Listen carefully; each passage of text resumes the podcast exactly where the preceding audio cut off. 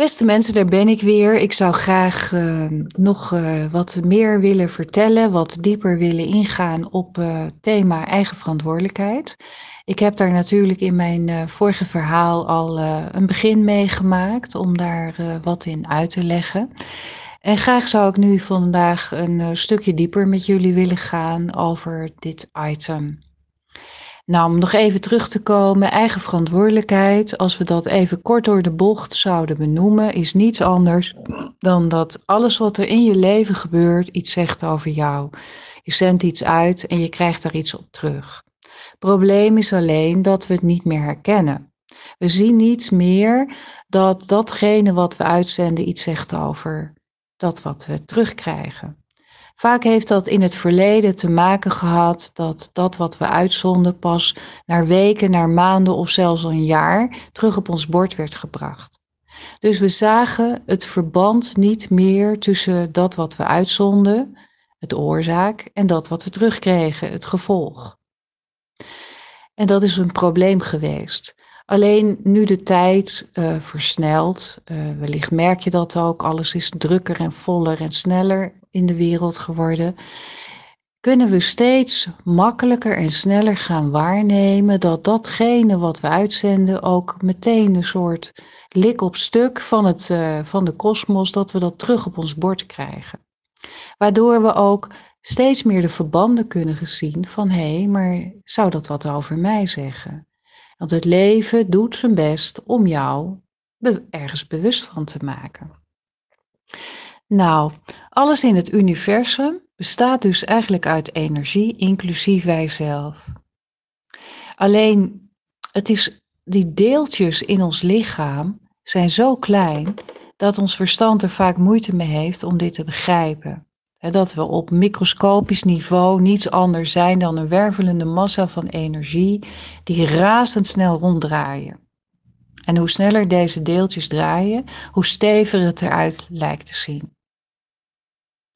En denk even aan een propeller of een ventilator, als die ook harder draaien. Je weet dat er losse schroepen zijn en toch als ze snel draaien, dan lijkt het alsof het één geheel wordt. Dat is een beetje hetzelfde principe. Nou, we weten dus dat energie in cirkels draait en dat alles wat we uitzenden uiteindelijk weer bij ons terugkomt.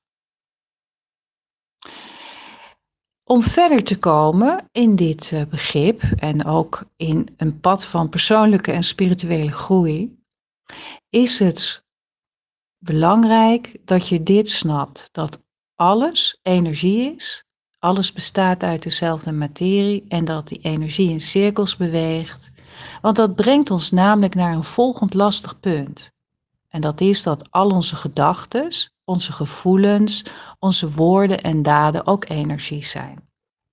Denk er maar eens aan dat als je bijvoorbeeld een huis binnenkomt waar net een ruzie is geweest, dan voel je dat in de energie. Er zit er een lading in de energie. Maar je weet ook dat woorden, iemands woorden, kunnen je versterken, bemoedigen. Maar ze kunnen je ook afbreken en kapot maken. Dat is energie. Maar ook gedachten. Denk eens aan je eigen gedachten als je oordelen hebt over jezelf. Als je negatief bent over jezelf of anderen. Dan dat zorgt er eigenlijk voor dat je somberder wordt, zwaarder ook.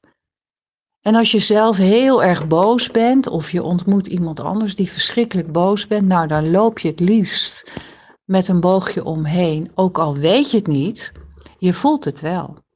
Dat is die uitstraling van energie. En omdat je weet dat alles wat je uitzendt ook bij je terugkomt, kun je zomaar, als je zelf boos bent, dus steeds maar in aanraking komen met boze mensen. Dat betekent dus, en dat is even echt een pittige, dat als je dit zou doortrekken, dit gegeven, dat je dus in feite je eigen werkelijkheid schept. Dat je, als je begrijpt hoe dit werkt, dat je je leven zomaar in eigen handen zou kunnen nemen. Dus laat dat eens eventjes tot je doordringen. Ja, en dan is er misschien interessant om een volgende uh, vraag mee te nemen. Van ja, maar vanaf welk punt komt dan die werkelijkheid die wij creëren? Waar beginnen we dan? En er is eigenlijk maar één antwoord mogelijk op deze vraag. En dat is, we hebben daar al hele wat boeken van op de markt gekregen. Dat is in dit moment. Je werkelijkheid is in dit moment aanwezig. En denk even met me mee, want meestal zitten we niet in het moment. We leven niet in het nu. Want waar zitten we met onze gedachten, onze gevoelens? We zitten heel vaak met onze gedachten in het verleden. Over had ik maar en als ik maar. Ik noem dat spijtbandjes. Spijt hebben over het verleden.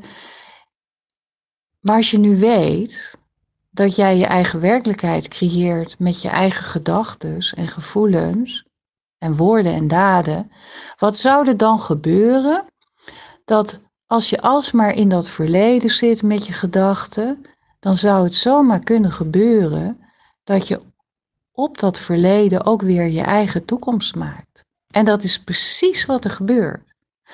Dat noemen we patronen. En wellicht herken je dat ook wel, dat er steeds weer dezelfde situaties op je pad lijken te komen. Of dat je steeds weer op diezelfde man of vrouw valt. Met datzelfde item die je vader ook had. Ja, dus als je weet hoe het werkt, dan kun je ontdekken dat in een bepaald patroon vast bent gaan zitten, doordat je steeds maar dat verleden herkoudt. En dan bouw je je toekomst op je verleden. Of, en dat is de andere kant, als je steeds maar angst hebt voor de toekomst, zorgen hebt voor de toekomst, piekeren over de toekomst. Kan ik nog wel straks mijn hypotheek betalen? Hoe gaat het straks met mijn kinderen? Moet ik mijn kinderen vaccineren of niet? Al die levensvragen. Maar als je angst hebt voor de toekomst en je weet, ik creëer mijn eigen werkelijkheid, dan zou je zomaar die toekomst vol van angst dichterbij kunnen trekken. Nou, dat is best een heel pittige om dat zomaar even te herkauwen. Dus dit was een volgende stukje verdieping over eigen verantwoordelijkheid.